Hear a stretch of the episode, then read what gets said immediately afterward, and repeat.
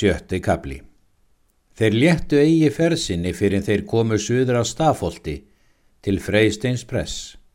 Tók prestur þeim biskupu og svonum hans með hinnum mestu virtum, gekk að móti þeim út fyrir túnhlið og bauð þeim heim þegar. Var þeim þar búin hinn veglegasta gisting sem föng voru á. Hið annað lið biskups tjaldaði þar á túninu en sumir þeirra sem þótti kaldara og ónótalegra í tjöldunum byggu um sí í skemmu einni er stóð þar skamt eitt frá bænum. Þanga var þeim færður matur og drikkur, kjöt og slátur, orstur, skýr, mjölk og mungátt. Voru menn all kátir því að þeim þótti ferðin góð verið hafa. Tíð var hinn besta, bjart veður og þurft og lísti af túnli, en nú var farð að verða æri kvöldsett.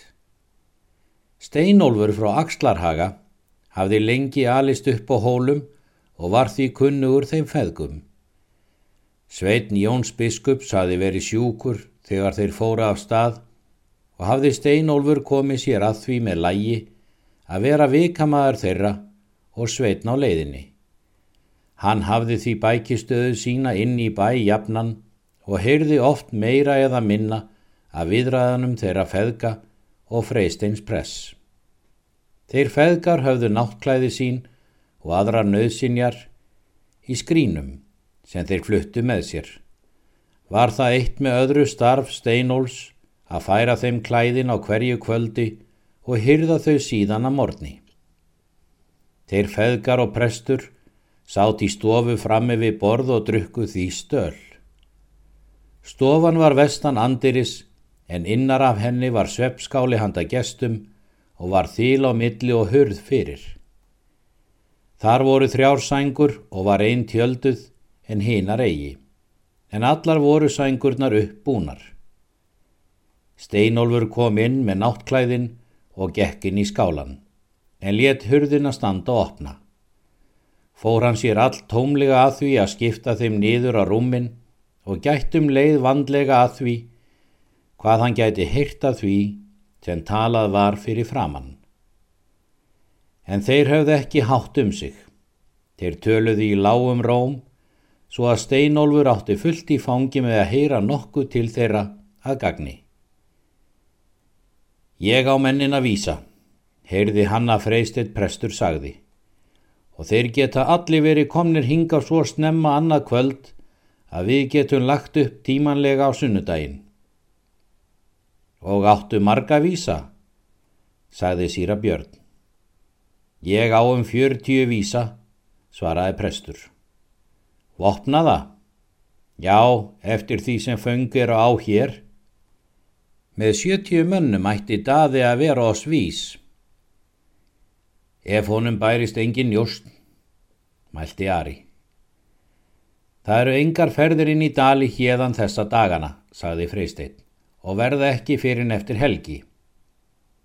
En er þér kunnugt um hvort hann heldur nú til heima á sögðafelli hjá frillusinni, sagði biskup. Það var í mikilsum verðt fyrir okkur að geta komið að honum óvörum, svo að hann hefði ekki ráðrum til að sapna liði. Hann var á sögðafelli þegar ég síðast vissi fyrir fjórun dögum svaraði Freysteinn prestur. Þar er hann oftast. Meira heyrði Steinolfur ekki. Hann gati ekki með góðu móti staði lengur þar inni. En hann hafði líka fengið nóg að vita. Sjötíu vopnara manna átti að vera í förunni og það átti að leggja upp á sunnudagsmorgun. Hann vissi nú vel hvað hann átti nú að gera. Hann var nú laus allrar þjónustu við þá feðga í kvöld Hann gekk því út þegar og hugsaði málsitt. Hann gekk hægt út hlaðið og stemdi til skemmunar. Þar gekk hann að reyðtí að bunga einu miklum og fór að leita í honum. Hann fann þar skjótt naksinn og beistli og póka þann er þessu fyldi. Hann tók þegar nakkin og beistlin, bæði reyðbeistlið og teimingin sem bæði voru bundin við reyða naksins og bar hvort tekja aftur fyrir skemmuna og að heigarði þeim sem þar var að bæjar baki. Þar lagði hann reyðtíi niður í horni einu í heigarðinum. Að öllu þessu fór hann heldur laumulega. Þegar hann stóð upp aftur frá reyðtíunum var þann þess var að honum var veitt eftirför. Var þónum þegar ítla við en þegar maður þessi kom nær sá hann þegar að það var engin af liði biskups. Þá þekkti hann alla eins og hendurnar á sér. Þessi maður var ókunnugur ungur maður heldur smávaksinn og fremur tötralega til fara. Maðurinn nam staðar tvo eða þrjá faðma frá steinólfi og horfi á hann fast en þó hálf feimnislega í myrkrinu. Hvað ert að glápa á mig ófétti þitt?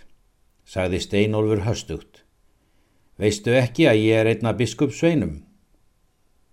Mann garminu varð hálf bilt en hann lagði þó ekki á flótta. Steinólfur gekk nær honum, bríndi röttin og sagði Hvað ert að elda mig? Snautaðu heim eða þú skalt hafa verra af. Maðurinn hörfaði ögg frá en horði út undan sér á Steinólf. Veistu hvernig á að hafa endaskipti á óforskömmuðum strákum? Sagði Steinólfur hróttalega. Á ég að sína þér það? Þá kom maðurinn loksins upp orði. Ég ætlaði að spyrja, spyrja þig. Um hvað þart að spyrja? Hvað varðar þig um mig? Hann hafði ekki sem besta samvisku og helt hann myndi fara að spyrja eftir hvers vegna hann væri að bera burtu reyðtíðin. Ég átt að vita hvort nokkur maður í þessum hópu hétti Steinólfur. Hvað varðar þig um það? Hvað viltu honum? Ég hef bóð til hans. Hvaða bóð eru það? Steinólfi brá við. Þau eru til hans. Ég á að skila þeim til hans. Jæja, getur þá ekki skila þeim til mín, þöngul hausinn þinn? Heitir þú þá Steinólfur? Setjum svo að það sé. Hver eru þá bóðinn? Frá hvaða bæ ertu þá? Hvert fjandan kemur þér það við? Nú, Ég er frá Axlarhaga. Og hvað heitir húsbóndin þinn? Ég er nú minn eigin húsbóndi en Haldur héttan, ef þú þart endilega að vita það. Nú hver eru þá bóðinn? Maðurinn leitt vandlega í kringum sig. Steinólfur var farin að skilja að það myndi vera eitthvert mikilsvarðandi erindi sem piltur þessi átti við hann. Það kvarð því úr honum allur rosti og hann sagði í hálfum hljóðum. Við skulum ganga upp á tún. Það gerðu þeir. Það var orðinær aldimt og því ærið skuggsýnt til jarðar. Tunglu var enn ekki komið upp. Nú, hvað var nú með þessi bóð? Já, það var nú sí svona, saði maðurinn og fór að renna af honum feimnin hægt og hægt. Að það kom hérna maður að sunnan á dögunum, já, það er líklega orðin ein vika síðan, ég held að sunnan, Já, það var rétt fyrir helgina var. Ég man ekki hver dag og gisti hjá honum síra freystinni hérna. Hann hafði mikið við hann og let hann sofa í gestaskálanum og þar fá ekki allir að koma inn. Auk heldur sofa þar. Nei, ég held nú ekki. Kondu nú þessu einhver tíma út úr þér. Hvað hétt hann þessi maður kjáni? Býtu nú við, það kemur bráðum. Ég sótti hestana hans um morgunin og þegar ég kom heim með þá var hann út á túnu og kallaði til mín. Þetta var gróflega fít maður og fór að skoða hestana, hvort þeir væri ekki meittir og hvort það færi vel undir þeim og sagði við mig sísónum leið. Hvað heitir þú? sagðan. Þorlákur svaraði ég, því að ég heiti Þorlákur. Er mér óhætt að trúa þér, sagðan. Ég var hálf kvumsa en sagði þó, Ætli það ekki, sagði ég. Svo tók hann upp pungin sinn, tók úr honum pening og sagði, ef ég má trúa þér, skal ég gefa þér þennan pening. Já, þér er óhætt að trúa mér, sagði ég. Viltu bölva þér upp á það, sagði hann og kvesti sig. Og svo bölvaði ég mér upp á það. Og svo sagði hann, ég heiti Helgi og er frá hofstöðum í Skagafyrði og er sendur frá hyrstjóranum vestur í Dali. Ef Jón biskup Arason kemur hingað, skaltu spyrja hvort ekki sé maður í liði hans sem heiti Steinolfur, vinnumadur einhvers haldurs í Arkslarhaga. Minnir mig, hann segði. Reyndu svo að ná tala af honum svo að lítið ber á því að það má engin vita að ég hafi tala við þig og segðu honum að ég hafi farið vestur í Snóksdal, ég er endum hirstjórans og hann verða að koma vestur undir eins og hann getur. Hann skilur það, saðan, því að við höfum talað um þetta áður. Saðan rétt sí svona og svo var það ekki annað. Ég býst við að þú hafir skilað þessum bóðum rétt. Ég er ekki gleimin, bóðin eru rétt og ég hef alltaf rifjað þau upp fyrir mér síðan við töluðum saman. En nú verður þú að gera nokkuð fyrir mig. Það er ef ég geta, ég skal reyna. Það er að vera á fótum í nótt og fylgja mér hér yfir ána. Það kann ég að geta gert. Ég á ekki að gæta hestana. Stulli geri það. Býtu mín þá hérna við heikarðin. Ég þarf að ná hestunum mínum og komast af stað.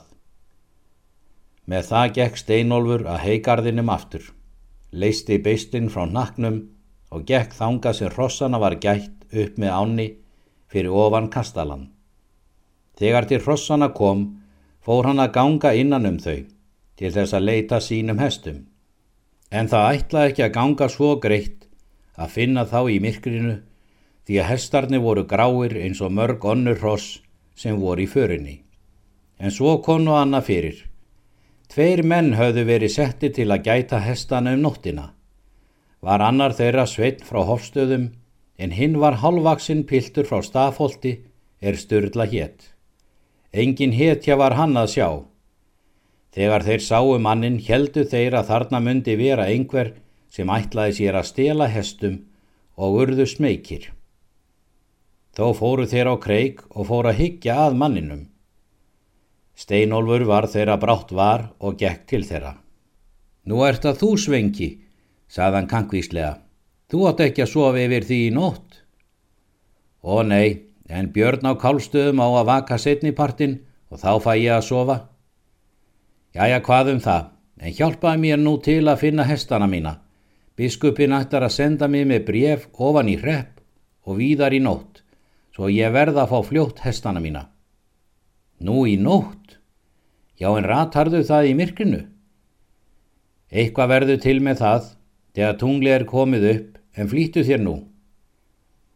Þeir fóra að leita hestana og fundi þá eftir nokkra leit. Steinólfur lagði ríkt á við þá að geta ekki um ferð sína fyrir þeir mættu til og skildu þeir þá segja hið sanna. Biskupi væri andum að þetta færi leint fyrstum sinn. Svo hjælt hann heim á leið með hestana og teindi þá heim á bakvi heikarðin. Þar lagði hann á þá. Þorlákur var þar fyrir og fyldi honum á ferjuræfli yfir um norðrá. Í þeim svifum rann tunglið upp. Svo reið hann í áttina til norðurs eftir því sem leiðir lágu, en fljótt tók hann að villast og vakti því upp á einhverjum bæ og kifti mann sér til fyldar.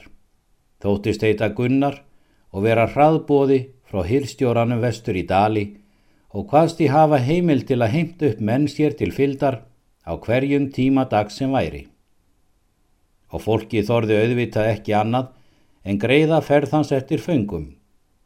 Það var þegar þá komin ás út tíska að þungar refsingar lágu við ef ekki var greitt fyrir ferðum höfðingja landsins og sendi manna þeirra.